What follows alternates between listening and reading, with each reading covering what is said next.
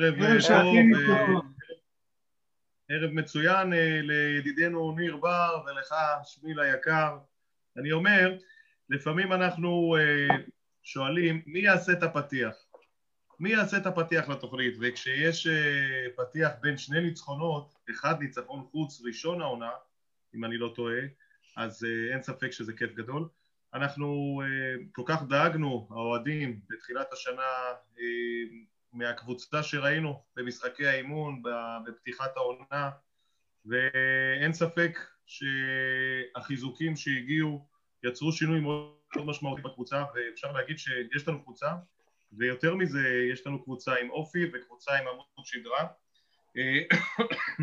הנתונים מדברים בעד עצמם, מתוך 16 השערים שהבקיעה הקבוצה השנה, כפי שככה לוחש לי ניר בר, 11 שערים במחצית השנייה, ושישה מתוך ה-11 מופקעים מהדקה 85 והלאה. זה אומר, יש קבוצה, יש עניין, וכיף, כיף לפתוח פאנל בשני ניצחונות. אליך שמיל.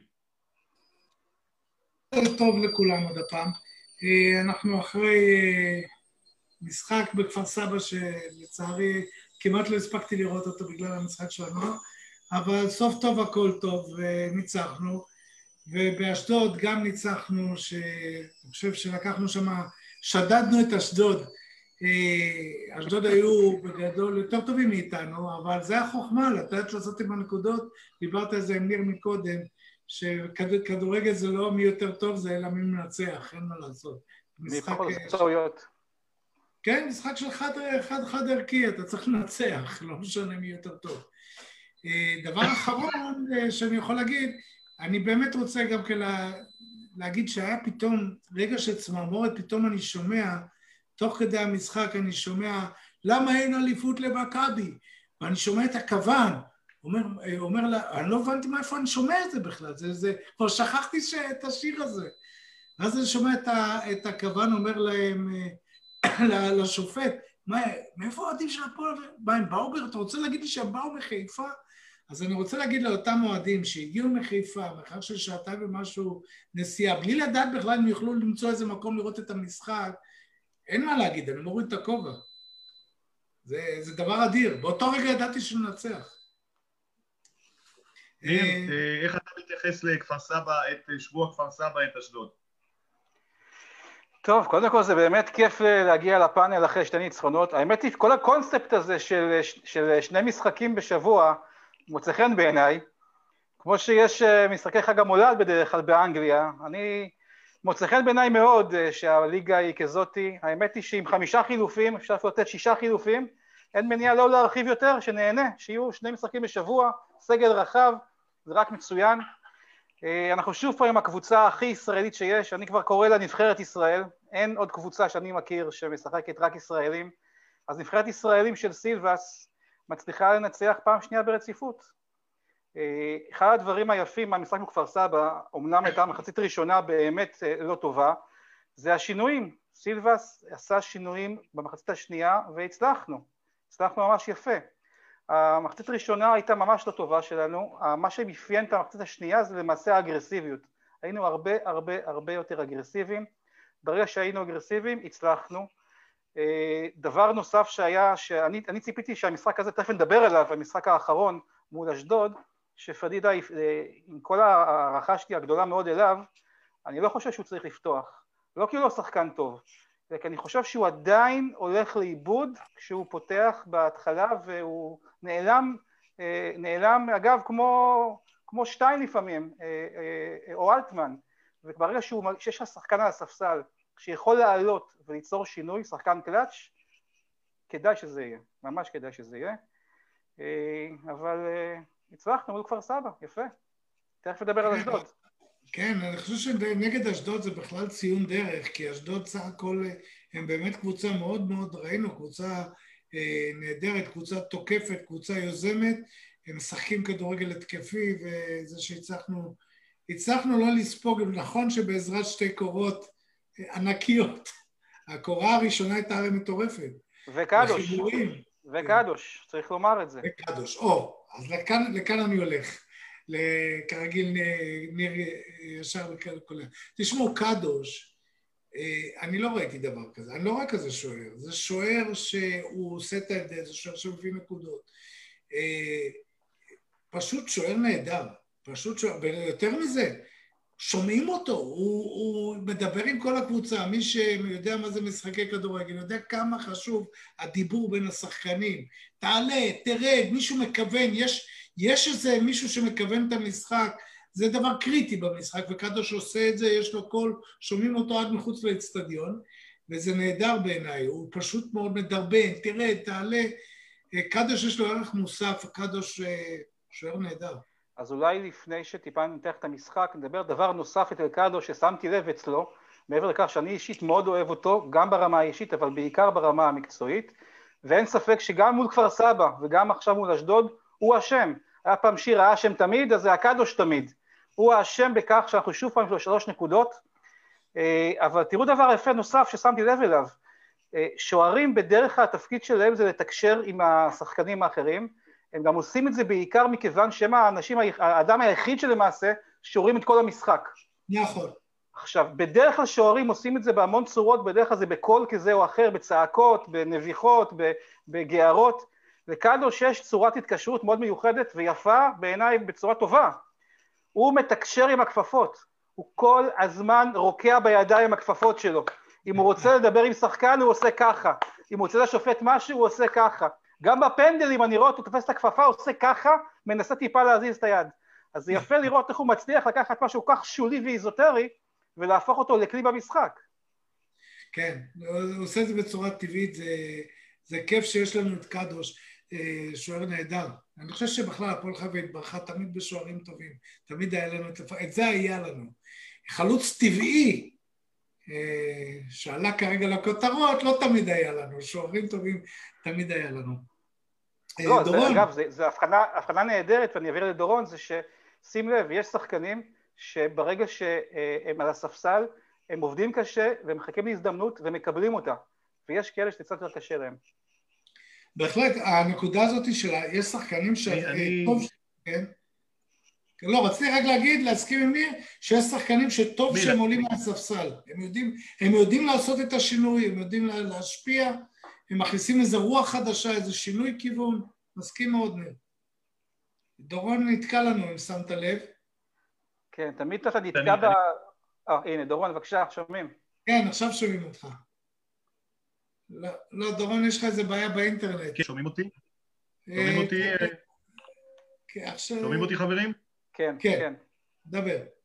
טוב, אז, אז uh, אני עדיין רוצה לקחת אותנו למשהו שהוא מחוץ למגרש. אני מרגיש שאנחנו רוצים, אנחנו צריכים לסגור איזשהו נושא uh, וככה לעבור uh, תוך התייחסות לנושא רובי שפירא זכרו לברכה. אז קודם כל את החלק שלנו עשינו בתוכנית האחרונה ואני חייב לומר שאלפיים, אה, מעל אלפיים מאה אוהדים אה, צפו בתוכנית והשתתפו, ב, אני חושב, במחווה המאוד מאוד אה, מכבדת הזאת למשפחה ולרובי זכרו לברכה. ואני ביקשתי ממך, שמיל היקר, להראות את ההתייחסות של הקבוצה לנושא לפני המשחק עם כפר סבא בואו נראה את זה ואחר כך אני, אני אומר על זה משהו, כי, כי חשוב להתייחס לנקודה הזאת גם. בבקשה, שמי. בסדר גמור. כאן אבקש את תשומת לבכם. אנו מציינים השבוע 19 שנים למותו של רובי שפירא, זיכרונו לברכה, שהיה הבעלים של המאוד חיפה במשך שמונה שנים. במהלכה זכתה הקבוצה באליפות המדינה ורשמה בכך פרק מפואר נוסף בתולדות המועדון שיחגוג בשנה 97 שנים להקמתו. יהי זכרו ברוך. אוקיי, שמיל, אז אה, אני חושב שצריך היה להתעכב פה ולומר את הדברים הבאים. אני חושב שזו פעם ראשונה בעידן יואב כץ בטח מאז שאני זוכר, שמתייחסים לרובי שפירא בנפרד בפני עצמו, אני זוכר שהייתה התייחסות בתוך הטקס שזכר אה, בעלי תפקידים שונים, אם אתם זוכרים, נדמה לי שנה שעברה ניר אם אני זוכר נכון, ואני לא זוכר שהייתה התייחסות, בטח לא בשנים האחרונות. עכשיו, אה, אני חושב שזה סימן, סימן ואני גם יודע שיואב כץ אה, מקשיב לקהל של הפועל חיפה, מקשיב לקהל של הפועל חיפה, אני חושב שאם הדברים היו נאמרים כשבאמת לא היה קורונה והיה קהל, האפקט היה הרבה יותר מרגש. ואני קראתי שיש אוהדים, חלק מהם אגב, אגב לא, לא ראו בטלוויזיה את הקטע הזה וחשבו שלא הייתה הנצחה מבחינת הקבוצה, סליחה, אזכור, אז אזכור היה, יש אחרים שאמרו כל הכבוד ויש קבוצה אחרת שאמרה זה לא מספיק. אז אני חושב שאם בשנה הבאה הקבוצה תעשה אותו דבר ויהיה קהל ועוד דבר אחד שאני מקווה שאולי נצליח בצנעה לתרום לו שרחל תגיע למגרש ותהיה נוכחת כשמזכירים את רובי אני חושב שזה יהיה אה, מאוד מכובד וזה יהיה החלק החסר בתשבץ שאני חושב שהשנה יתקדם מאוד. ואני מאמין שלפעמים בנושאים מורכבים ולא נפתח עכשיו למה המצב הוא כזה יש לזה הסברים מעמיקים, מה קרה ואיך קרה, אבל שינויים לפעמים נעשים בצעדים קטנים, לכן אני באופן אישי מכבד את זכותם של אלה שמבקרים, אבל אני חושב שצריך גם לראות את מה היה פה, ולא רק מה שלא היה חסר בטקס הזה, אז uh, אני חושב שהתקדמנו, ואם בפאנל הזה תרמנו במשהו לאזכור של רובי ולכבוד שמגיע לאיש הזה, אז אנחנו, אני באופן אישי מאוד מאוד מרוצה.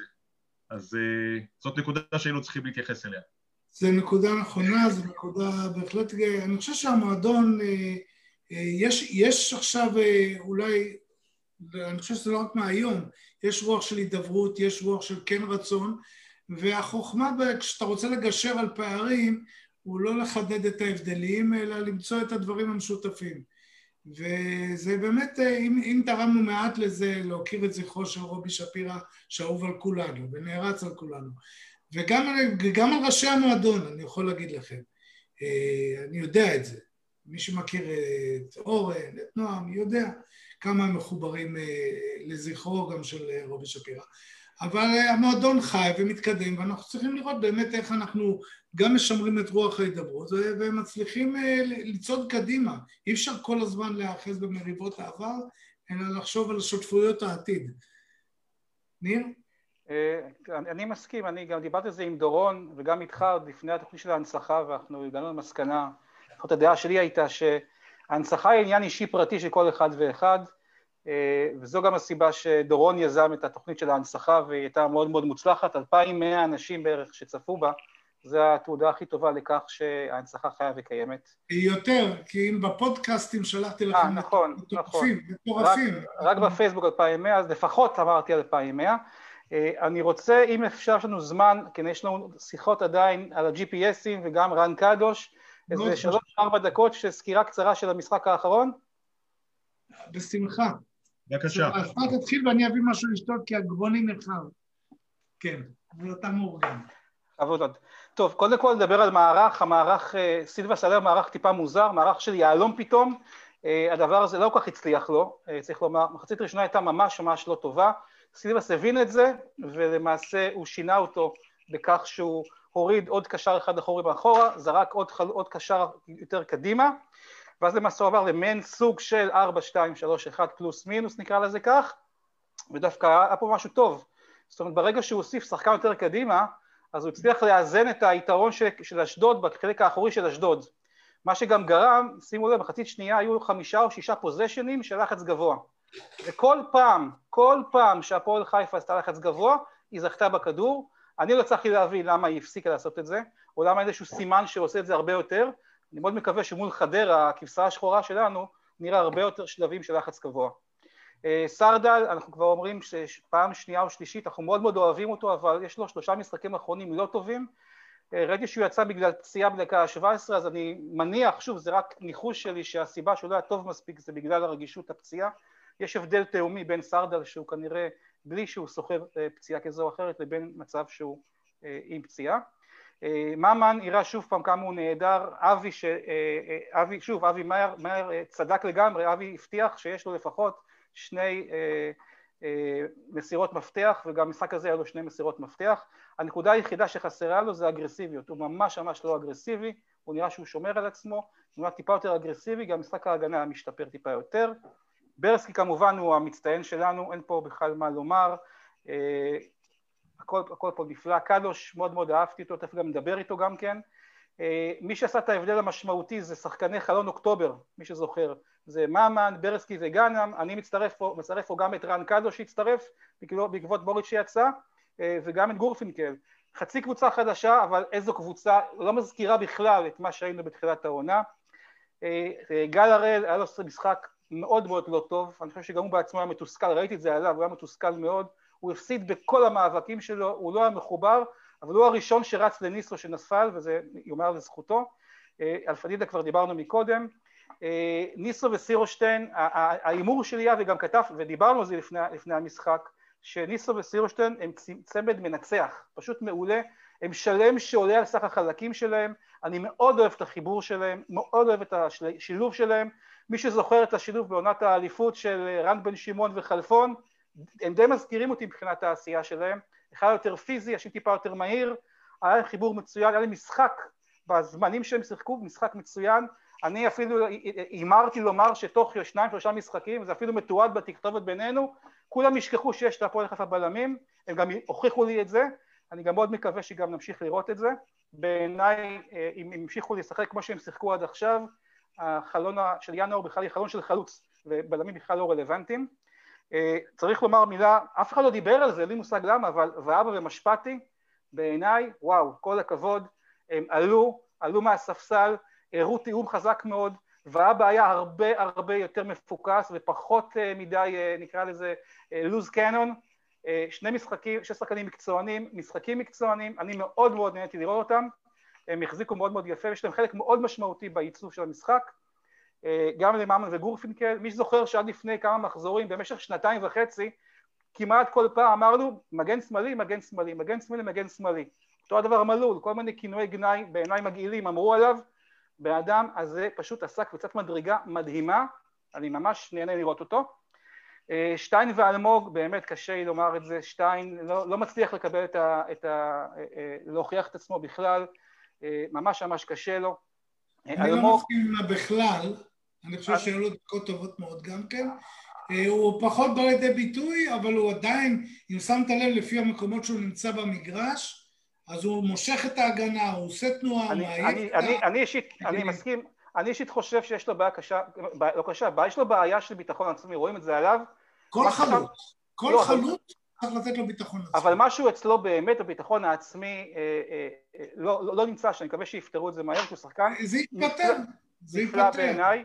אלמוג אותו הדבר, אני מאוד אהבתי, אם שמתם לב, סילבס בסוף המשחק ניגש לאלמוג, חיבק אותו ועודד אותו, בעיניי זה מראה על, על, על, על מאמן מצוין, מאמן טוב חייב לתת, לעודד את השחקנים שלו, כי זה, איתם הוא יוצא לקרב, אין מישהו אחר חוץ מהם. תשמע, אלמוג עשה כמה מהלכים נהדרים שהוא כן, פרץ כן, כן, מהקרן, כן. פרץ מצד ימין, תשמע, זה היה מטורף, אני ראיתי ממש, כי אני עומד בדיוק בעמדת הצילום, ואני רואה איך הוא לוקח את הכדור, ואיך הוא בא לעמדת הקרן ומצליח למרות השמירה להוציא כדור ל, לרחבה, מאוד אהבתי.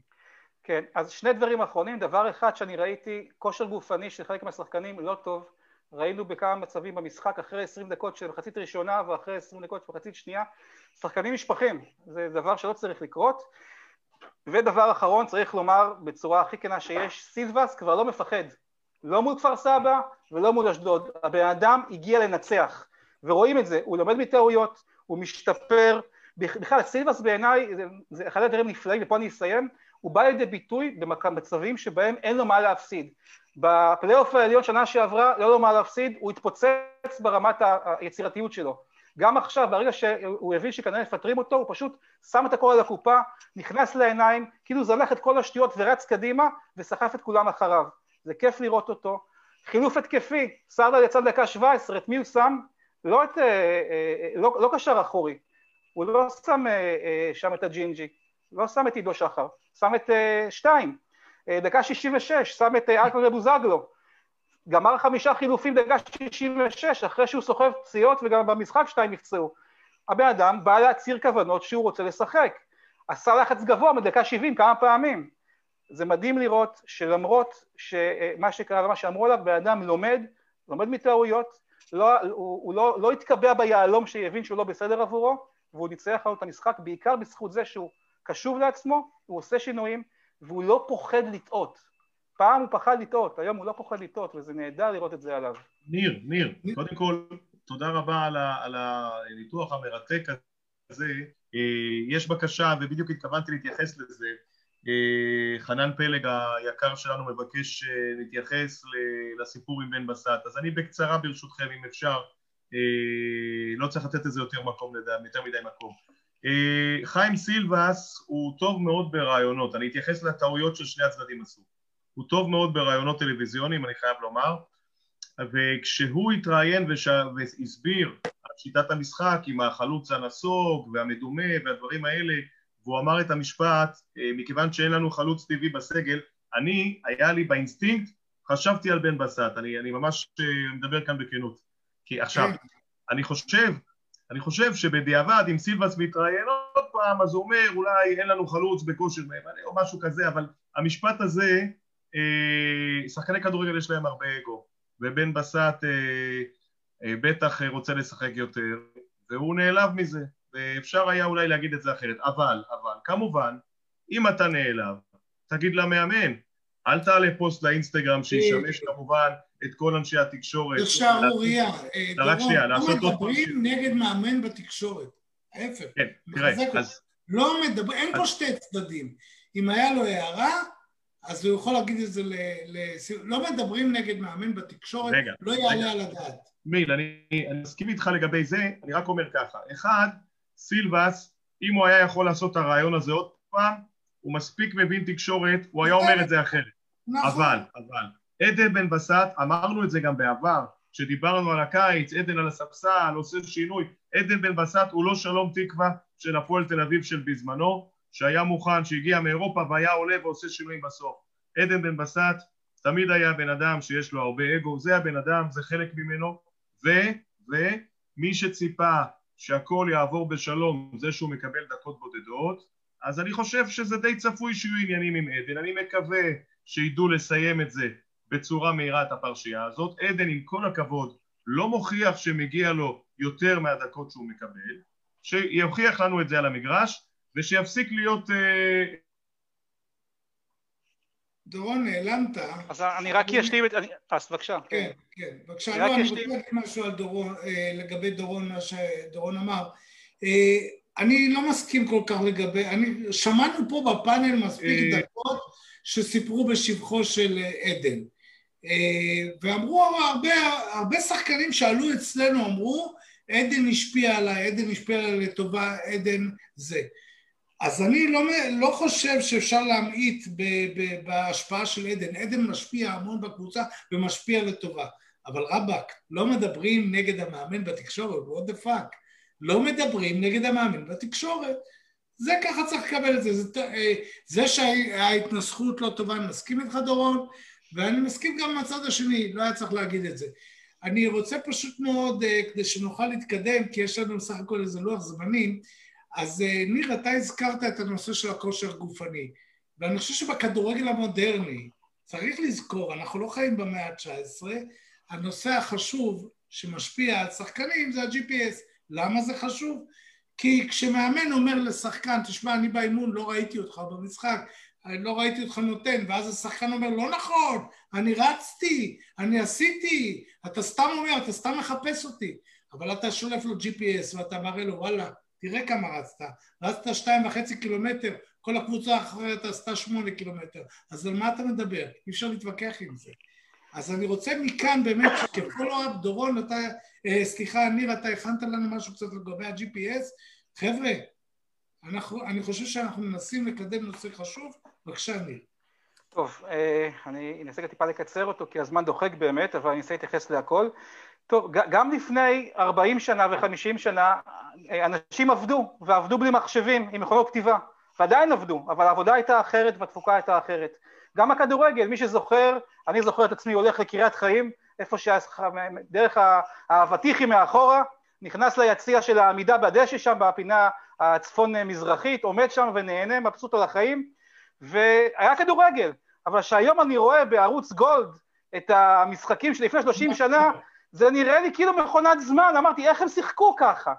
העולם מתקדם כל הזמן, יש היום תזונה ופיזיולוגים, מאמנים מנטליים, אספות וידאו, אימונים אישיים כמו שסרדה סיפר לנו, אנליטיקה, דברים שמאפשרים להיות יותר טובים. אחד מהם זה דבר שנקרא ונתייחס אליו GPS, בואו נתייחס לזה כ-GPS באימונים, במשחקים, למה זה חשוב, ונבין איך קבוצה היום בעולם שלנו, בזמנים שלנו, זה פשוט הכרח אה, בל יגונה נקרא לזה כך. אז קודם כל, וזה בעיקר רלוונטי לקבוצות עם פציעות, זה מפחית פציעות, זה מכבד את השחקנים, מאפשר סגל זמין למאמן, ולפי, יש מחקרים היום דרך אגב, ש-90% מהפציעות של שחקנים, גם צריך מחקרים בשביל זה, זה רקמות רכות, מיניסקוס, רצועות שרירים, שניתן להימנע מזה באמצעות אה, אה, התוויית עומסים ב-GDPS. זה נכון יותר כלכלית, שחקנים, אה, שחקנים שנפצעים עולים כסף.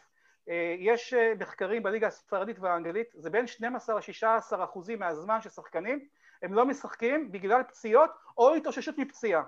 זה זמן שהקבוצה משלמת כסף לשחקן, כי הביטוח הלאומי והביטוח לכושר עבודה נכנס אחרי שלושה חודשים רק. אז אתה, יש לך קבוצה, קבוצה עם המון פציעות, אתה משלם כסף, לא מקבל תפוקה. זה כמו להחזיק עובדים במפעל, לשלם כסף ולא לקבל תפוקה שלהם. אה, דבר נוסף, המספרים בסוף לא משקרים. גם שחקנים רוצים לקבל נתונים אובייקטיביים עליהם, על עצמם. זה משפר את האפקטיביות של האימון, דיברנו על זה, את ההשקעה ואת הרצינות של השחקנים. יש את התמיד בכל מיני יחידות בצה"ל אומרים שכמו שנתאמן ככה לנצח, אז מתאמנים כמו שמשחקים ומשחקים כמו שמתאמנים. יש הבדל בין משך האימון לבין עוצמת האימון. לא מספיק להגיע לאימון, השאלה איזה אימון אתה יוצא, איך אתה יוצא מהאימון. יש סיטואציה של מה שנקרא overtraining ו undertraining. הראשון, ה undertraining פוגע באפקטיביות של האימון. השני, overtraining פוגע, יכול לגרום לפציעות במשחק. אתה מתאמן לא טוב, אתה נפצע במשחק גם כן. אה, יש המון מאמנים שאומרים, אני לא צריך GPS, אני מסתכל על השחקנים באימון ואני יודע מה הם. חבל, כל המשמעות זה לקבל כלים תומכי החלטה למנהל, וכל המנהל יודע שהדבר שהוא תמיד משקיע בו זה נתונים וכלים תומכי החלטה. אה, זה מאפשר לנו לקבוע יעדים ומעקב אחרי השחקנים. אתה בא לשחקן תחילת העונה, אתה, אתה בודק מה הוא, מה הוא עושה, איך הוא מתאמן, רואה במה הוא טוב ומה הוא לא טוב, קובע לו יעדים, קובע תוכנית, עוקב אחרי זה. זה לא יכול לבצר מצב שבו אתה יש לך מפעל מסוים או דרך מסוימת להצלחה ואתה לא בודק בדיוק מה הדרכים להצלחה גם כן. זה מייצר מוטיבציה ותחרותיות, אפשר לקחת את הלוחות האלה, לתלות כצ'ארט, יש כל מיני חברות של שיווק ששמים את הלוחות שיווק של העובדים שלהם, לראות מי הכי טוב שם, לבוא וליצור תחרותיות בחדר ההלבשה, זה מזהה כישרונות, אתה פתאום מגלה כישרונות ביעדים מסוימים שאפילו לא חשבת לגבי שחקנים מסוימים. אה, זה מאפשר למאמן, אמרנו, לקבל נתונים תומכי החלטה, מהירות מקסימלית, מהירות ממוצעת, דופק מקסימלי, אה, מרחק ריצה באימון, נתונים חשובים, לא מספיק שהשחקן מגיע לאימון של שעה וחצי, מה הוא יצא מזה? השחקן הגיע לדופק מקסימלי? הוא הגיע לאינטרוולים מסוים? איפה הוא נמצא שם? זה מאפשר גם כן להגדיל הרבה יותר, קוראים לזה בחיל האוויר למשל, קוראים לזה להגיע למעטפת של המטוס, להגיע ליכולת המקסימלית שבו המטוס יכול לטוס בו. אותו דבר גם כאן, איך אנחנו מגיעים למצב שהגענו למקסימום יכולת באימון. אה, שחיינים, מישהו פה פעם היה שחיין ששוחה, יודע שלפני תחרויות שמתאמנים, שמים על שחיינים משקולות. כדי שהוא יתאמן עם משקולות, ואז כשהוא שוחה בלי משקולות הוא יהיה יותר טוב. אז איך באימון אתה מגיע למצב שבו אתה לא מגיע לפציעות, אתה מגיע למקסימום שאתה יכול להוציא אפקטיביות מהאימון. זה גורם לשחקנים אמרנו להיות מקצועיים יותר. יש אפקט אה, מקצועי שנקרא אפקט הצלילה. ששחקן מגיע מחוץ לארץ, ממועדון מחוץ לארץ באירופה או באפריקה לפעמים, או שחקן שמגיע ממועדון גדול בישראל, בלי שמות, שם יש באימונים GPSים. אם הוא מגיע לקבוצה שבה אין GPSים, אז הוא צולל ביכולות שלו, כי פתאום הוא רואה שכבר לא מצפים ממנו, לא מבקרים אותו, האח הגדול לא נמצא. ואנחנו יצורים פסיכולוגיים אנושיים שאומרים, אם לא מבקרים אותנו, נהנה יותר, וחבל. זה מסייע בהשבחת שחקנים. חלק מהמדדים בסוף השנה, השנה שאתה בוחן את הקבוצה, אתה בודק האם שחקנים השבחת או לא השבחת. האם הצלחת לגרום לשחקנים להשתפר או לא להשתפר? GPSים מאפשר את זה. אנליטיקה, בסוף אנחנו, זה עולם של מידע, המידע שווה כסף, האנליטיקה אה, היא מאפשרת לנו ולמאמן ולצוות המקצועי ליצור תובנות שלא תמיד יש זמן להגיע אליהן. אנחנו בונים מאגר מידע, יוצרים השוואה בין השחקנים, איך אנחנו נדע עכשיו להשוות בין שחקנים שלנו? איך נדע להשוות בין שחקן שעכשיו מגיע רוצה להצטרף אלינו לראות מה הוא שווה? אם פתאום עכשיו מאמן, אה, שחקן בלי שמות, היה במועדון ועכשיו הוא חוזר למועדון, איך נבין מה המצב שלו היום ביחס לעבר, חוץ מלהסתכל עליו? בואו ניצור כלים שהם תומכי החלטה בדבר הזה, זה חשוב נכון, מאוד. נכון.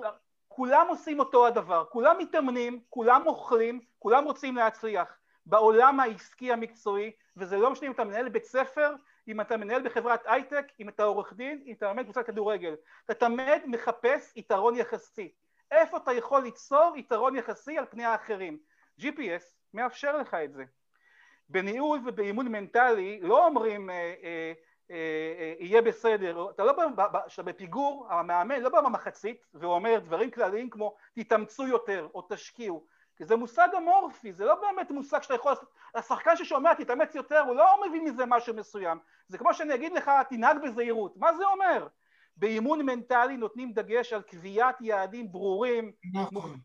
מוחשיים וקטנים, כדי שאם תציג את כל אותם יעדים קטנים, תגיע ליעד גדול. ה-GPS מאפשר את זה, אתה רוצה להגיע ליעדים, ליעד גדול, אתה מפרק אותו ליעדים קטנים של שחקנים, אתה רוצה לוודא שהשחקנים עומדים ביעדים קטנים גם באימון, גם במגרש, גם במשחק, ה-GPS זה כלי נהדר שמאפשר לך את זה. דבר נוסף, אני כמעט מסיים, עלות מול תועלת. ברוב המקרים היחידות האלה של ה-GPS הן של השכרה, הן באמת באמת זולות ממה שאתה מוציא מהן, זה פשוט נהדר. לא רק זה, גם יסלח לי השחקן שנמצא מספר 28 בסגל הרחב. לפעמים עדיף לוותר על השחקן מספר 28 כדי שכל 27 שחקנים יוכלו להיות הרבה יותר טובים. דבר האחרון, או לפני האחרון, איפה קבוצה רוצה להיות בקדמת הבמה המקצועית? כולם משתפרים כל הזמן. החיים לפעמים המקצועיים זה כמו שאתה נמצא הפוך באיזה שהן מדרגות נאות. אם אתה חייב להתקדם בצורה קבועה, אם אתה רוצה להשיג את המדרגות הנאות שהולכות אחורה, אתה רוצה לעלות הפוך נגדם, אתה צריך לעלות יותר מהר. אתה חייב להגיע למצב שבו אתה נמצא תמיד במקומות שהם cutting edge קוראים לזה. ופעם מי שזוכר, ואני כמעט... ניר, אני מצביע. ניר, אני מצביע. אני מצביע, ניר. אני, אני מצביע. דקה אני מסיים ואני עובר אליך. דקה? כבוד המנהל! אה, אני אסיים במה שפפ גרדיולה פעם אמר, דבר, משפט מאוד יפה בעיניי. אני אגיד באנגלית ואני אתרגם בתרגום חופשי שלי. You play at the rhythm you train it.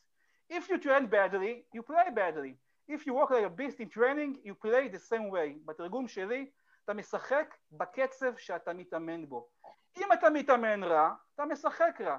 אם אתה עובד כמו חיה באימון, אתה משחק באותה צורה. אז איפה אנחנו רוצים להיות? כן. דורון, אתה רוצה להגיד משהו? כן, אני גם יש לי משהו. כן, אני אגיד דבר כזה. קודם כל, אה, אני וניר משוחחים על הנושא הזה מזה זמן. ומאוד מעניין לשמוע את הניתוח, ושורה תחתונה אני אגיד שני דברים. אחד, אין ספק שאנחנו רוצים כאוהדים שהקבוצה שלנו תשתדרג מבחינת ההתייחסות לאימונים, גם מבחינת ההתייחסות לתפקוד שחקנים בזמן משחק. אני, יש לי גם איזושהי הערכה, לא שאני מומחה בתחום, שאם יהיה מעקב אחר מדדי GPS, ייתכן ופציעות שאולי נגרמות מתוצאה של עומסים או, חלוקה, או אי חלוקת עומסים, גם זה יכול לעבוד. ואני אוהב לתת הוכחות להסברים תיאורטיים. ניר נתן כאן הסבר תיאורטי. אני חוזר לרעיון עם דור מלול שסיפר לנו כאן. שאלנו אותו על איך, איך, מה, מה הביא אותך לשפר את היכולת? אז הוא אמר חלק מזה זה שהצטרפו החברים מהעבר שזה הוסיף לו למוטיבציה. ושתיים הוא אמר קיבלתי החלטה עם עצמי לשנות גישה באימונים. אז uh, זה כל כך מוכיח, לפעמים אני אומר אנחנו על כדורגל, אנחנו רוצים תכלס מה שחקן אמר או משהו כזה מוחשי והדוגמה הזאת של דור מלול מוכיחה עד כמה אם היה מכשיר כזה שעוקב אחרי דרך העבודה וההשקעה של השחקנים איך הדבר הזה היה עוזר להתנהלות עוד יותר מקצועית והתנהלות שהיא ממוקדת בנתונים לפעמים ארגון שרוצה, לפעמים אני אומר, ארגון שרוצה להתקדם צריך להתייחס לנתונים ולעקוב אחריהם. לא רק, אבל גם. אז תודה רבה ניר. אני חושב שרן קדוש מאותת לנו... אה, כן, אני, אה, לפני שנעלה את רן, אני רוצה גם אני להגיד מילה. גם אני רוצה להגיד מילה. גם... כן, כן, אבל רן מאותת, זה שאני חצי מרוקאי, זה לא סיבה לסתום לי את הפה. אני, מי שמכיר עולם הניהול, יש מושג ביעדים, זה מושג שהוא, איך אומרים, הוא מעל לכל ויכוח. ככה לומדים היום ניהול בעולם המודרני, זה נקרא, נקרא, נקרא יעדי סמארט. סמארט זה ראשי תיבות, אני לא אכנס לכל זה, אבל האם בסמארט זה measurable, שאתה יכול למדוד את זה. אם אתה לא נותן, אם אתה לא נותן כלי מדידה, כל היעדים שאתה נותן לא שווים כלום. כי, כי עוד פעם, זה דיבורים בעלמא. המאמן אומר ככה, אז המאמן מחפש אותי. אם אתה לא יכול לתת נתון מדיד לשחקן, לא עשית כלום. ולכן אני אה, חושב שה-GPS, אגב, עוד פעם, מבחינת עלויות, לא מדובר בלמכור כליה. לקבוצת כדורגל זה פינאץ. אני הלכתי, אנחנו לא נשחק בדרבי, באימון, מול מכבי חיפה, ואני אומר לכם את זה עוד פעם, כאחד שמכיר את הדברים. אה, נערים א' במכבי חיפה הם GPS, נערים א', ואנחנו בבוגרים לא חייבים לסדר GPS, זה, זה כסף שהוא פינאץ, אנחנו מדברים מושגים של, שמשחקים כל כך הרבה שחקנים, תוריד שחקן אחד מהקבוצה, תביא GPS. לגמרי. בוא נשים נקודה חברים, כן, איפה רן אה, קדוש? כן, בבקשה, איפה רן? הקהל רוצה לראות את רן קדוש, מספיק עם דיבורי ה-GPS שלנו, אנחנו פחות מעניינים, רן קדוש, איפה הוא? אבל זהו. האיש אבל... והצירה עם הכדור בפנים, איפה הוא? אני אשלח לו עכשיו, עכשיו קישור, מ"מ, נראה, רן קדוש, באמת אחד ה... אה, בינתיים, עד שהוא עולה, עד שהוא עולה, אני יכול ככה קצת להתייחס לקהל. קדימה, אה, קדימה, קשבנו. ככה, יש לנו קודם כל דרישת שלום מאחד האוהדים שצופה בנו מתל אביב, אה, שאלו גם על הנוער, אני מבין שהנוער שיחק ועשה אחד אחד עם אחי נצרת, שמי? כן, היה דרמה גדולה, היה משחק מאוד קשה, מי שמכיר את המשחקים בליגה הלאומית, זה להוציא, לא, ממש להוציא אה, מוץ מהתבן, משחקים קשים מאוד. מהבר. אה, וגמרנו באחד אחד, אה, שער בדקה 96 של אה, עומר תורג'מן, שער שכולו נחישות, הוא בא בנגיחה ושם את זה, כאילו הוא יורה את ה... את ה... זה מכדור רובה. אז אחד אחד סיימנו, יש לנו בשבת מול קריית אתא, השם יעזור. מה עוד? אוקיי. הנה, תראו מי נמצא. אה, יש לנו פה, יש, יש כאן את דניאל, אה, ערב טוב רן, מיד אתה נכנס לשידור. כן. אה, יש לנו פה את דניאל, האם מצב הפציעות של החלוצים, אולי צריך... דורון, יש לך איזה okay. קצת אוקיי. איזה משהו okay. כן. בדיבור שלנו שלא שומעים okay. כל כך טוב, אז אולי זו הזדמנות אה, להגיד שלום לרן. רן, איזה כיף לראות אותך כאן. תמיד אנחנו אה, פשוט כיף לראות אותך, ורצינו, לפני שאנחנו אומרים לך שלום, היה לך משחק, כרגיל אני חייב להגיד, משחק שכולו הקרבה, ובדיוק כמו שכתבתי בפוסט שם, זה לא, זה לא זבוב, זה לא מטוס, זה סופרמן שלנו, קאדו שכולו לב ונשמה, תודה על משחק ענק. מה נשמע נועם? הנה כבר נשמע. מה קורה? שלום לכולם. אפשר לפתוח, אפשר לפתוח בחידה? בבקשה. כן, כן. שקשורה קשורה למרואיין שלנו פה. אוקיי. אוקיי, החידה, שתי מילים, סדרה, סדרה ישראלית עם שתי מילים. אה, אז אני, אני מציג את הרמזים. רמז ראשון, ורמז שני? לא, את הרמז הראשון לא שמענו. לא, לא שמענו. הרמז הראשון... לא, לא, צריכים לראות אותו, לא לשמוע. רמז ראשון. כן. רמז ראשון. כפפות? כן, רמז שני, סדרה ישראלית בשתי מילים. מה זה? כפפה ליד? מה זה כפפה למפתח? לא, זה מפתח. מפתח? שעת נעילה. יפה, שעת נעילה. אין, אין, ניר. יפה, ניר, הנה, ושעת נעילה, ותראו מה יש לי פה. תראו מה יש לי פה, שעת נעילה. רגע. רגע, רגע. הנה, יש לנו שעת נעילה. יפה, עכשיו אפשר להתחיל. טוב, זה לא חוכמה, פעם הבאה תביא חידות עם מוזיקה, אני לא מכיר. עם מוזיקה, טוב. מה נשמע, קדוש? הכל בסדר, מה שלומכם? בסדר גמור. איך, איך התובנות שלך מהמשחק הזה, שהיה באמת, היה לך שם הצלות הירואיות במשחק, אחד מול אחד, הבאת לנו נקודות בידיים, איך ההרגשה אחרי משחק כזה? אה, הרגשה מצוינת. אה, אמרתי את זה כבר בריאיון של אתמול, שעם כזאת צפיפות של משחקים ועם כמות הפציעות ש, שאנחנו uh, צריכים להתמודד איתה, uh, אנחנו לא בכל המשחקים uh, נהיה עליונים, ו, ו, וכיף לקחת נקודות דווקא במשחקים כאלה, שאתה uh, פחות טוב בחלק, בחלק מהמשחק, והיריבה מגיעה אפילו ליותר מצבים, ובכל זאת לצאת עם שלושת הנקודות, ו... כיף גדול. אתה יודע, קדוש, אני שומע בדיחות בין הצלמים, כי אני יושב שם עם הצלמים, והם כולם אומרים, איזה קול יש לקדוש, שומעים אותו בכל המגרש. אני יכול להגיד לך שלדעתי, הערך המוסף שלך, מעבר לתכונות הפנתר שיש לך, אה, זה, זה הניהול משחק. אתה יודע, אני יודע שתמיד המאמנים אומרים לשחקנים, דברו אחד עם השני. ואתה באמת, כמו שניר אמר, אתה יושב מאחור, אתה רואה את הכל, ואתה מכוון את כולם, כל המשחק אתה צועק. אה, כיף לא רגיל לדעת שהתחושה של בעל הבית, וואלה, יש מי שמשגיח. אתה, זה, זה דבר שתמיד היה? Um, אני יכול להגיד לך שלא... לא, זה משהו שהתפתח עם השנים. Um, המקום שהכי נתן לי השראה לעניין הזה של הדיבור, זה היה התקופה שלי באנגליה, כשהשגתי שם עם uh, בלמים כמו גארי ברין, שהיה קפטן נבחרת אירלנד, אה, וחלוץ בשם אה, פול פרלונג, שיש לו מעל 200 שערי ליגה בליגה האנגלית, שיחק בצ'לסי ועוד כל מיני קבוצות.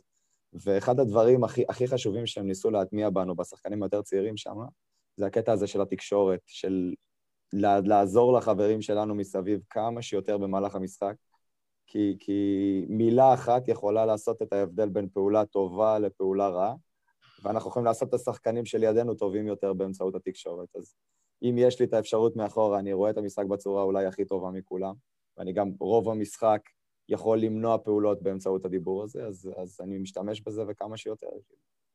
נהדר. אגב, רן, אני, אני יושב בבית שלי בחיפה, ואני שומע אותך עומד בשער באשדוד וצועק, צא! צא! וואלה, יש לך את הקריאת אה, ניווט, אני שומע את זה עד הסלון אצלי בבית, לא יודע איך זה יכול להיות. תשמע, זה נכנס לתוך התמונות. זה לא וידאו, וזה. זה מאוד חשוב, זה מאוד חשוב. ההובלה הזאת של השוער, ההכוונה מאחורה והדרבון, מה שהוא אומר, רן, אנחנו שומעים את זה אונליין אל תוך הכיסאות שלנו, כן. היום המאמן של הנוער, בשעה שהיה לנו משחק של הנוער היום, והמאמן של הנוער אומר לשחקנים במחצית, דברו אחד עם השני. כששחקן מקבל כדור, הוא לא יודע אם יש מישהו מאחוריו, או הוא יכול לשחרר כדור. כשהוא מקבל את המילה הנכונה ממישהו שהוא סומך עליו, אז הוא, הוא מרגיש יותר בנוח. וואלה, מאחוריך, לפניך, תשלח, בצד. Uh, הדיבור הזה הוא קריטי. קריטי. כן, ניר. היי קדוש, מה שלומך? אהלן ניר, מה נשמע? תגיד לי, היית פעם אה, שוער כדוריד? לא. אתה לפעמים יוצא כמו שוער כדוריד, אתה יודע את זה? כן, כן. באחד על אחד. הוא מתכוון לשערים מאחד על אחד שאתה מונע. זה הזוי. תשמע, זה הזוי. ניסיון לתפוס כמה שיותר נפח ברגע שאתה מצליח לצמצם. כן, כן, אתה תופס נפח, זו הגדרה נהדרת. אה, מקודם דיברנו, שמענו איך אתה אה, רודה בקבוצה וצועק ונכון, אבל משהו נוסף, אני לפחות ראיתי מהצד, וזה מאוד מאוד חמוד בעיניי, וגם אפילו מקצועי. אתה המון פעמים מדבר עם כפפות. שמת לב? ראיתי את הפרשנות שלך למצב. אמ, האמת, האמת שזה משהו שהבאת לתשומת ליבי, כי יכול להיות שאני עושה את זה באופן אה, לא מודע, אבל אה, כן, זה אחד זה הכלים. זה מעולה בעיניי. כי, כי אחד, אחד הכלים של, של התקשורת זה גם התקשורת הוויזואלית, וברגע שאני, שאני משתמש בכל הכלים שיש לי, כמו שאמרתי קודם, אם זה בקול ואם זה גם ב, ב, ב, בידיים ובמה שרק אפשר, אז... קודם כל, אה, אנחנו צריכים לברך את רן שרשם 100 הופעות במשחק הקודם אה, מול הפועל כפר סבא, רשם 100 הופעות בליגת העל. קודם כל ברכות, את העוגה עם המאה שכחנו, נביא לפעם הבאה. ואני רוצה דווקא... לש... כן. אה, ואני רוצה דווקא להשתמש ברן כסניגור להגנה שלנו, שבמגמת שיפור ושני משחקים מתוך השלושה האחרונים גם לא, ההגנה לא ספגה. ויש המון ביקורות על הבלמים, הוא בר... בלי שמות, זה ברמה של לאומית, זה ברמה של ליגה א', אני רוצה קצת לשמוע ממך סנגוריה על הבלמים שלנו, ואני אנקוב בשמות, אה, ניסו קפילוטו, מיקי סירושטיין, ואתמול הוחלפו על ידי, אה, אני חושב בצורה מצוינת, על ידי אה, גיא משפטי ובן והר. אוקיי. אז עכשיו בוא, בוא תהיה הסנגור שלהם. במרכאות, כן? כן, ברור. אה, תראה, אני חושב שעבודת הגנה אה, היא אומנם אה, מסתיימת בסופו של דבר בפעולות האחרונות שלנו, של השוער, של הבלמים, של המגנים, אבל היא, מתחילה מלמעלה. וברגע שמגיעים בקלות למצבי מסירה ש... שמעמידים אותנו בסיטואציות לא נוחות, אז כל, כל, כל התפקוד הופך להיות הרבה יותר מורכב והרבה יותר קשה. אני חושב שכל המערכים אה, ברמה ההגנתית השתדרגו, אה, גם, גם אה, התפקוד של שחקני ההגנה וגם העזרה של החלק הקדמי בלחץ על מובילי הכדור, במניעת מסירות קלות יותר, ואני חושב שזה השילוב של כולם ביחד בעצם מביא את השדרוג הזה.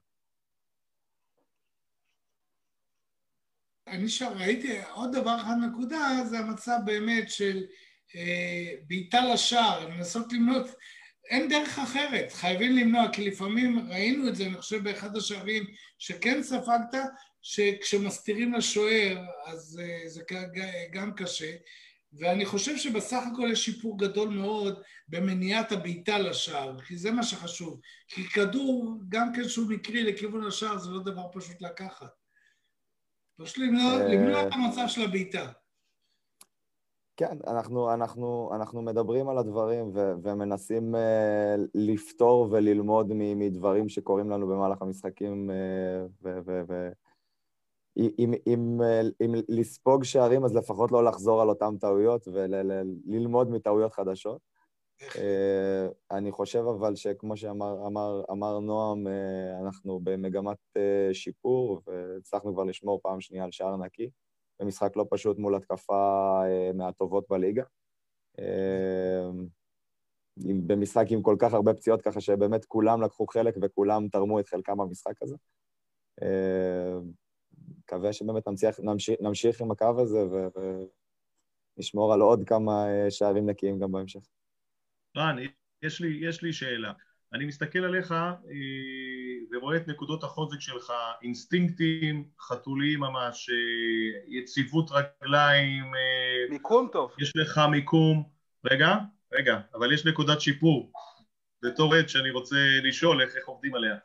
וללא ספק אתה אה, הפתעה נעימה, חבל על הזמן, הרי אתה יודע, בסופו של דבר על היער היית השוער השני, היום הקהל גם כותב עכשיו, מסמס, לא להוציא את רן מהשער בשום פנים ואופן, לא לבזבז את העמדה הזאת על שחקן זר, אני לא מחליף את סילבס, אבל אין ספק שכרגע בעיניי אתה השוער הראשון by far. אבל יש לי שאלה, לפעמים אני יושב עוד פעם באותה כורסה שאני שומע אותך צועק, צא, צא וכל זה, ואני, ואני מרגיש כאילו שאתה לא יוצא מספיק לכדורי גובה. לפעמים אני נלחץ מכל מיני כדורים שמעיפים לנו מימין ומשמאל. אגב, אה, מכבי תל אביב. דורון, objection, objection. כמו בבית משפט. כן. כן. אני, אני מוחה בתוקף. אני חושב שרן אתמול, כולל באיזשהו כדור ככה בתוך ערבוביה בדקה ה-90, אני חושב שכן רן יוצא, ו... יוצא ומאגף, תכף הוא ישלים את, ה... את התשובה, אבל אתה צריך לזכור שיש, אני אומר את זה בתור שוער חובב, יש דבוקה של שחקנים. אם השוער לא סגור על עצמו במאה אחוז שהוא מגיע לכדור או לקלוט אותו או לאגרף אותו בצורה טובה או רחוקה, או לפינה, הוא יכול להשאיר את השער מופקר.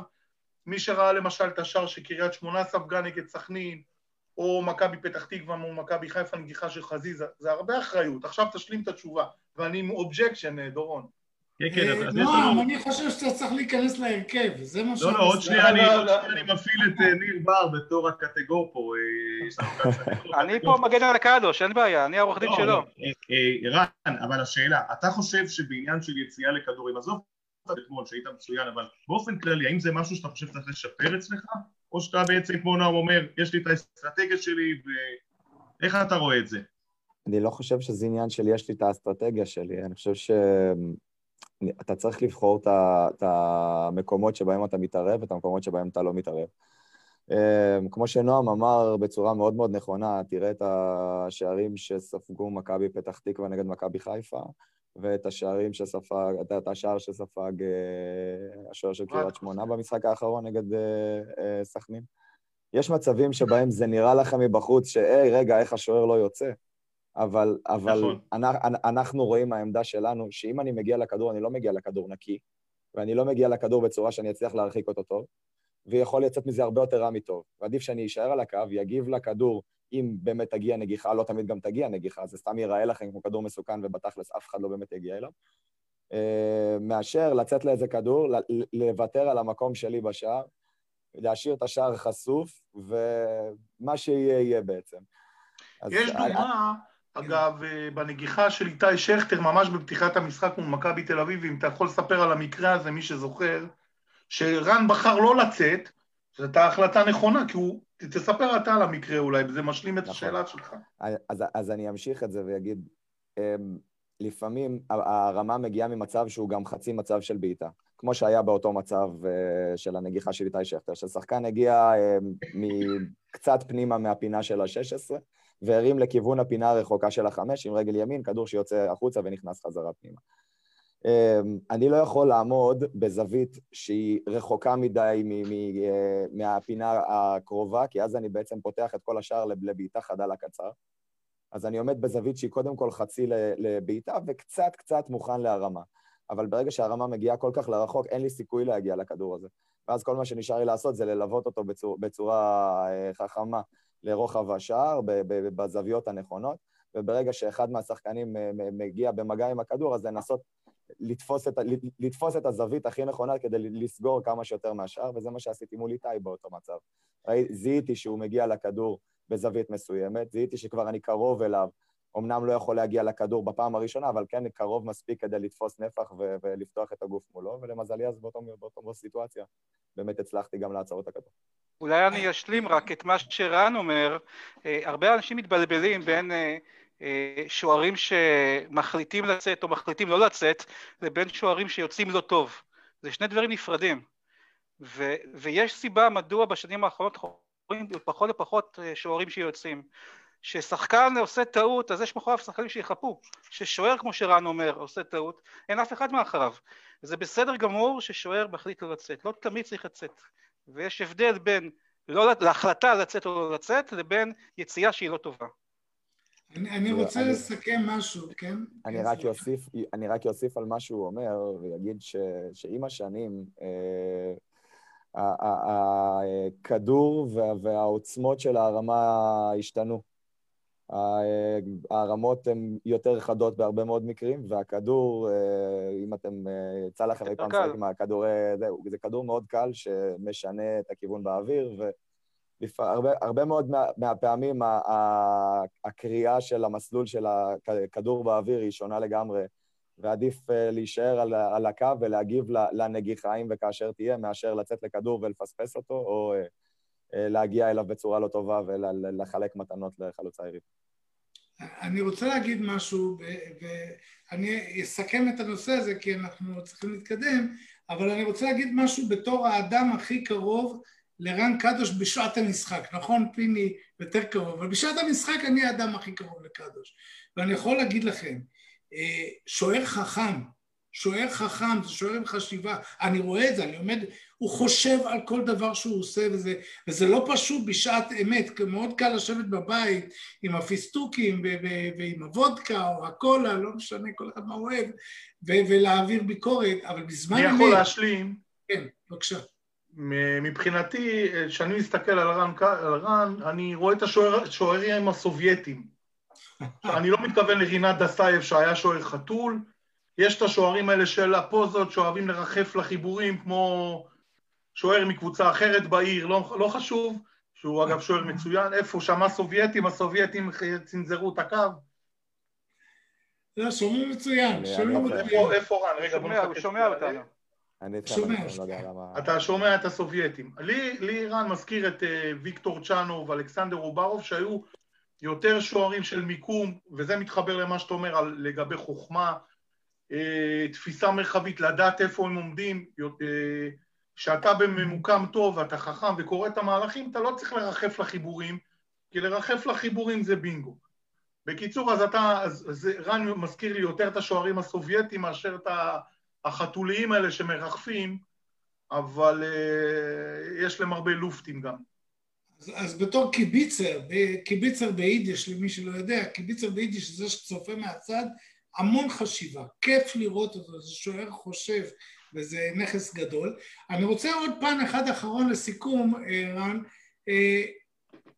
דיברנו, דיברנו על זה בתחילת השידור, שפתאום אני יושב במשחק, השיר הראשון, מגיעים אוהדים שאני חייב להוריד את הכובע בפניהם, מגיעים שעתיים ומשהו נסיעה, לא יודעים אפילו אם יוכלו לראות את המשחק, אין לי מה להגיד על דבר כזה.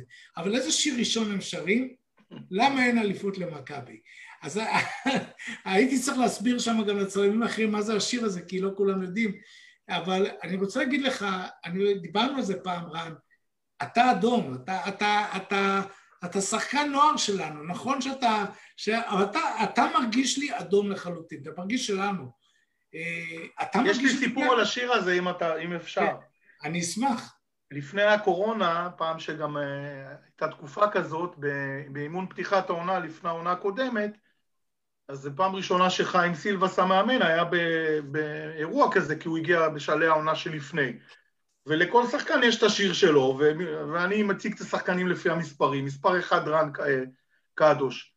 ואז כמובן השיר המפורסם, וחיים אומר לי, מה, מה זה השיר הזה? ואז אני מפרשן לו, אתה זוכר את המשחק? וחיים נקרע, פשוט נקרע מצחוק. זה כן. ככה...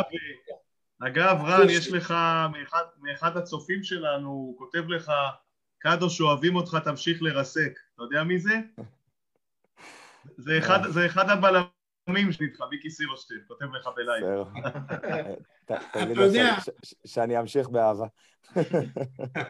סיפר לי אחד הצלמים שהוא היה במשחק הזה מול בני יהודה, אז שמנעת את האליפות בצורה הירואית לדעתי, הוא אומר, תשמע, יש לי רשרוש בלב מהשוער הזה, רשרוש בלב.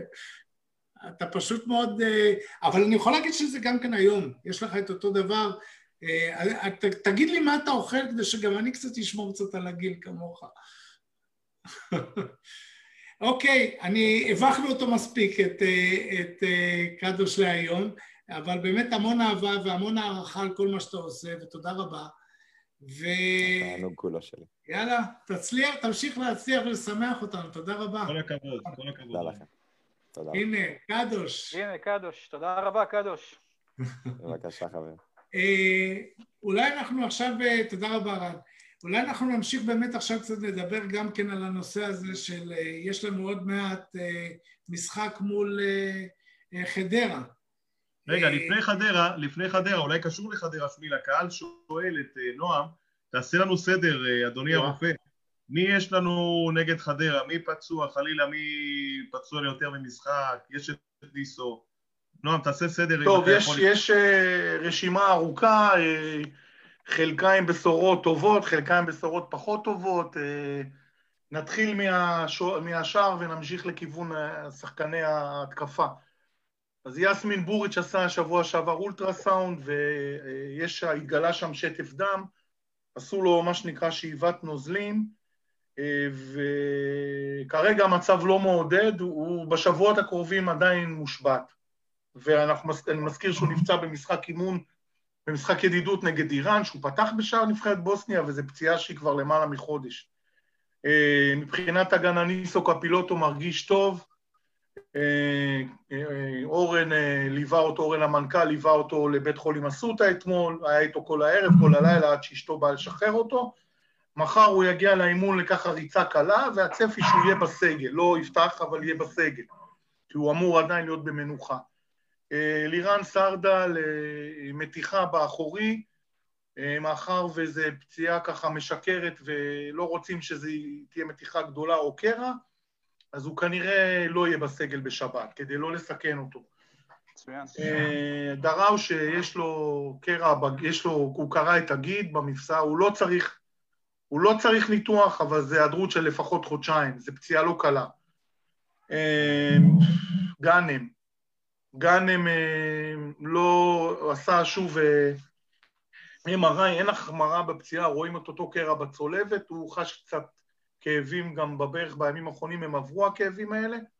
הוא אבל אה, רוצה איזושהי תקופת שיקום, ואנחנו במועדון חייבים לדעת מה אורך התקופה הזאת, אם זה שבוע והוא חוזר לפעילות זה דבר אחד, ואם זה יימשך כמה שבועות אז צריך לשנות את התוכניות של המועדון, המועדון צריך לדעת איך להיערך, אנחנו כמובן רוצים לראות אותו, ראינו איזה כוח משמעותי. הבשורה הטובה זה ווילי אגדה, שככה עדכן אותי דני ביבס, שבוע הבא מול בית"ר ירושלים הוא כבר בסגל, וזאת בשורה טובה. אז שכחתי מישהו? לא, אני חושב שעברת על כולם. אה, איפה אתם חותמים לי על התעודת רופא? רגע, נוסיף לזה שרותם סגל הלך אה, לבדוק אה, נושא של חתונה, אז הוא פצוע אצלנו, נהדר מהרכב, אבל בסדר, הכל בסדר. אוקיי, אני חושב שאנחנו כאן יכולים כבר להגיע, פחות או יותר יש לנו משחק מול חדרה. אתם רוצים איתות מחולון, עדכוני כדורסל? כן, בבקשה. כן, כן. אגב, שמיל, יש לך את הוואטסאפ ששלחתי לך קצת איזה... אה, לא הורדתי אותו כי אני, בגלל שאדי לא... אדי לא, אז נספר ככה שתי אנקדוטות. אני אנסה, דקה אחת. תתחיל להגיד את ה... אני בינתיים מדבר, אם אתה מצליח להעלות אותו, בוא ניתן ככה איזה תשומת לב לכדורסל. אז כרגע אנחנו כמה דקות לפני סיום המשחק, רבע רביעי, הפועל חיפה מובילה בחולון, בתוצאה מפורסמת 78-77. הנה, 78-78, רוצ'סטי עדיין לא, אה, אה, עם הקבוצה, אבל עדיין לא משחק היום, זה הרכש הבולט של הקבוצה. ואם אתם זוכרים, לפני שבועיים דיברנו גם על קבוצת הנוער של הפועל חיפה, ואמרתי לכם שם שיש ככה איזשהו שחקן שאני מכיר אותו, יש שם כמה כישרונות, הם משחקים בליגה. רגע, נועם, שכחת, סליחה נועם, שכחת את סירושטיין, אה, מזכיר לנו יועד... אה, מיקי סירושטיין, נכון, אוקיי, סליחה, אז נחזור רגע לכדורגל.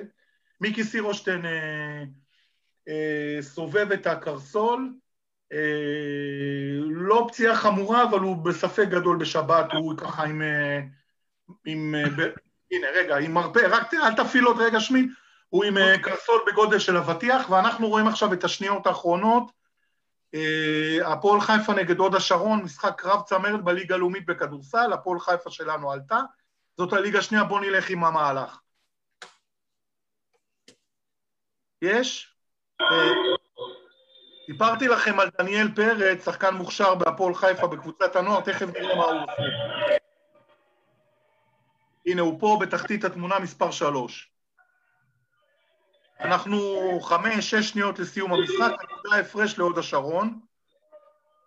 שימו לב למהלך הבא. תסתכלו על מספר שלוש, והופ, עם הבאזר, סל ניצחון ושאפו גדול לקבוצת כדורסל שלנו, קבוצת הנוער. סל ניצחון דניאל פרץ, יש שם הרבה שחקנים מוכשרים, ותודה שמיל על ה... על. בוא'נה, אתה טכנולוגית חזק, כל הכבוד. אני אגיד כי אדי פשוט במשחק, אז בגלל זה... אז הנה, אז אני היום על תקן של אדי. אה, תודה רבה, אגב, איך אומרים, אנחנו אוהבים לדעת את הכדורסל. אה, אולי באמת אה, נסכם, אה, רק אולי ניתן איזה קצת תחזיות לקראת המשחק מול חדרה, חדרה קבוצה שאני רוצה להזכיר. תעשה לי טובה, ניר, תנסה לתת הרכב על סמך הפצועים גם ששמענו, מה לדעתך ההרכב שיהיה מול חדרה, ההרכב הטוב ביותר למשחק הזה, ואיך אתה היית משחק? 4-3-3, טוב, אני לא לוקח לך את, ה, את המקום. בוא תגיד לי איזה הרכב על פי השחקנים הקיימים אתה חושב שיעלה. אגב, ניר, אתה צריך להגיד בסוף תוצאה. דורון מנסה ככה להחליק את זה, צריך תוצאה בסוף. כן. קודם כל אני חושב שהמגמה של התחזקות ההגנה תמשיך, אני לא, לא חושב שנספוג שער כאן. אה, כדי שזה יקרה באופן אבסורדי צריך לפתוח לא ב-4-3-3 אלא ב-4-2-3-1. אה, אני אקח את המחצית השנייה של הפועל חיפה במשחק האחרון, ברגע שסיבס הבין שהוא צריך טיפה לשים שחקן יותר קדימה, ואז למעשה לחצנו את, אה, את אשדוד בחצי שלה. ואם אני זוכר טוב, חמש או שש פעמים גם חטפנו כדור תוך כדי משחק לחץ גבוה. שם יוכרע המשחק בעיקר. אז אני לא רואה שום סיבה שזה לא יקרה גם כאן. הרכב, ניר, הרכב. לגבי הרכב טוב, רביעייה אחורית היא סך הכל ידועה, אין פה שום... אה, שום לא, לא, היא לא ידועה, היא לא ידועה, קפילוטו לספסל. לא, לא, ואבא ומשפטי, אני, ואני אמרתי את זה גם אה, לפני שנועם עלה, אני מאוד מאוד אהבתי לראות את אה, איך הם נכנסו לתפקיד, היה משחק מצוין בעיניי, אני חושב שהם ימשיכו להיות ככה. Okay. אוקיי. אני גם סומך על... קישור, אז טוב, אז קודם כל יש לנו את ברסקי משחק? אני לא יודע. כן, כן. ברסקי משחק? אוקיי. יש את ברסקי שמשחק, אה, סרדה לא משחק מן הסתם. לא. גל הראל? גל הראל משחק, אני אפתח עם הראל. הייתי פותח אוקיי. עם הראל. מי נכון? השלישי? שם הייתי עוצר, שם הייתי עוצר, הייתי עכשיו עולה למעלה יותר, לקו עליון יותר, קו שלישי כבר פותח שם. כן. אה, ממן בצד ימין בטח הוא יעשה, סילבס ישים, אה, בצד שמאל ישים את שטיין ואת נס למעלה, או שהוא ישחק ביניהם. אני לא בטוח שהוא יחזור חזרה על, על, על, על, על המערך שהוא שיחק בו מול אשדוד, שזה היה כמו יהלום. זה היה פשוט, אה, אה, זה היה לא מוצלח. רגע, חסר לך שחקן. הלכת כרגע על 4, 2, 3, חסר לך עוד שחקן. מי בחוד?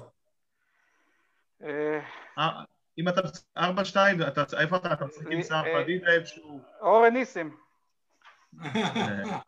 יש שם, יש בעמדות האלה ואני רוצה ככה לפתוח עוד פעם את התמונה, ודיברנו על הסגל העמוק שיש לקבוצה, ואולי לא התכוונו לזה, אבל אני אמרתי כל הזמן, ואני לא אשאיר לכם עוד פעם את הרוקטמן של אלטון ג'ון, כן? אבל לא אחזור על זה. אבל יש לקבוצה סגל עמוק, והדבר הזה בא לידי ביטוי גם באימונים, גם באינטנסיביות, גם בספסל, תראו כמה הספסל משפיע, זה לא במקרה שהמחציות השניות, לצד חילופים טובים וניהול משחק נכון של הצוות של חיים והצוות, אז יש לנו, יש לנו את עידו שחר ואלטמן, שבמקרה בלירן יהיה חסר, הם כוח, הם, הם כוח השני שחקנים האלה, שחקני נבחרת הצעירה, נכנסים מרעבים, יש להם גם יכולת הגנתיות, התקפיות. אנחנו רואים עם כל החוסרים... גם בוזגלו, גם בוזגלו, ובוא נאמר גם את האמת גם כן, בתפיסה שלי, כל אחד תפיסה שלו, אני חושב שקבוצת כדורגל לא צריכה חלוץ כדי להצליח. אפשר להשיג גם חמישה קשרים ולהצליח. לא, לא, אבל, אבל מישהו צריך ל... אבל תראה, אתה חייב את החלוץ או גן עם תשע שישמור על הכדור, או נס זמיר שיעשה את התנועות עומק, אתה חייב, אתה חייב להיות במגמה קדימה. כל החלוץ המדומה הזה, זה טוב לקבוצות שמחזיקות 80-90 אחוז מהזמן את הכדור ברגל. כן. אז בוזגלו יפתח. נועם, נועם קיבל... נועם שנייה ירד, אז אני חייב עוד שחקן אחרון. אנחנו צריכים לסכם? כן, אני... אה, קודם כל אני צריך להגיד שהשחקן הנוסף זה בוזגלו, לדעתי הוא דווקא, יהיה לו משחק טוב לדעתי, והתוצאה היא 2-0 הפועל חיפה. אה, לפני שאני שואל את דורון, נועם, אני רציתי להתקיל אותך הפעם, כי אתה תמיד מתקיל אותנו. אה, מתי ניצחנו פעם אחרונה את חדרה? תזכיר לי, כי אני לא זוכר. וואו, איזה התקלה. ב-1900... גם חדרה לא זוכרת.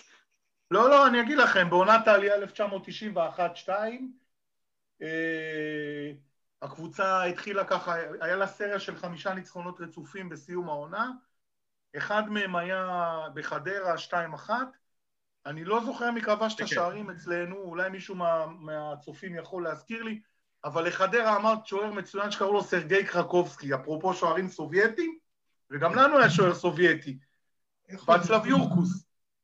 איך הוא זוכר את הליטאי, שהוא היה הזר הראשון בתולדות הפועל חיפה.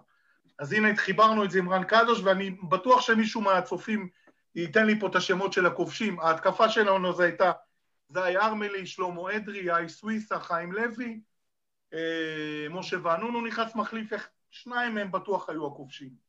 אני רק רוצה להגיד שזאת הסיבה, ראיתם בשידור חי את הסיבה, למה אני אף פעם לא רב עם נועם.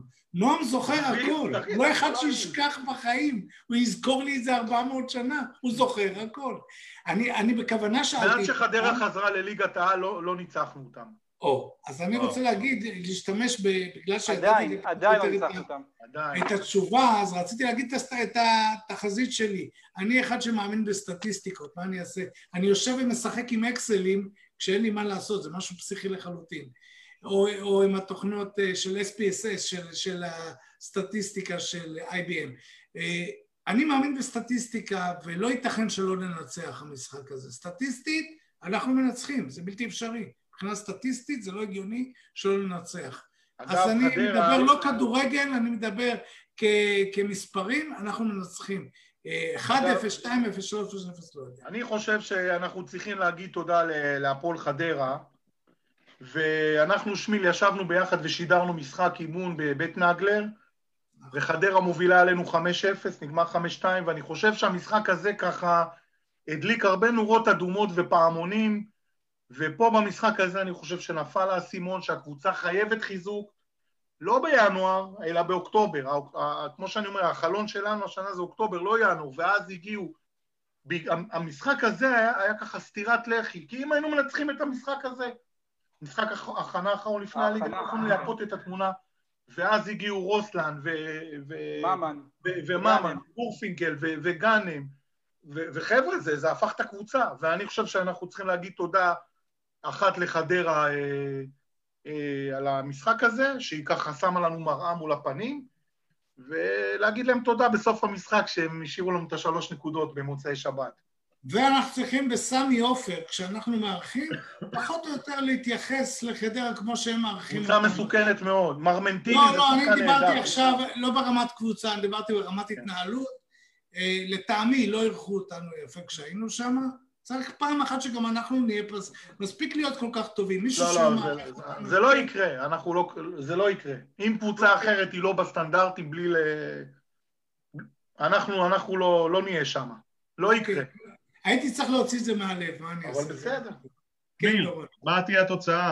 אה, הלוואי יהיה 2-1 לנו. הלוואי זה לא תוצאה, זה, זה, זה דרך אלגנטית להתחמק. לא, אני, אני בכוונה עושה כאילו, אני כל פעם זוכר מה שאמר אז אריאל, שהיינו שחצנים בתוצאות, בגלל זה הפסדנו. אריאל היקר שלנו, אתה יודע, שהערכנו אותו בתוכנית האחרונה, אז אני בכוונה אומר, הלוואי יש 2-1.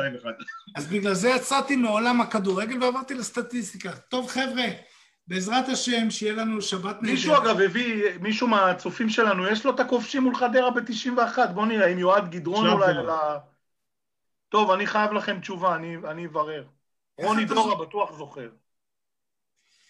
טוב, חבר'ה, אה, נעמתם מאוד, אחד-אחד וכולכם ביחד בוודאי, ותודה רבה על ערב מהנה. ויאללה, אדום עולה, שננצח בשבת. גם בנוער. ביי חברים, בהצלחה. להתראות. ביי.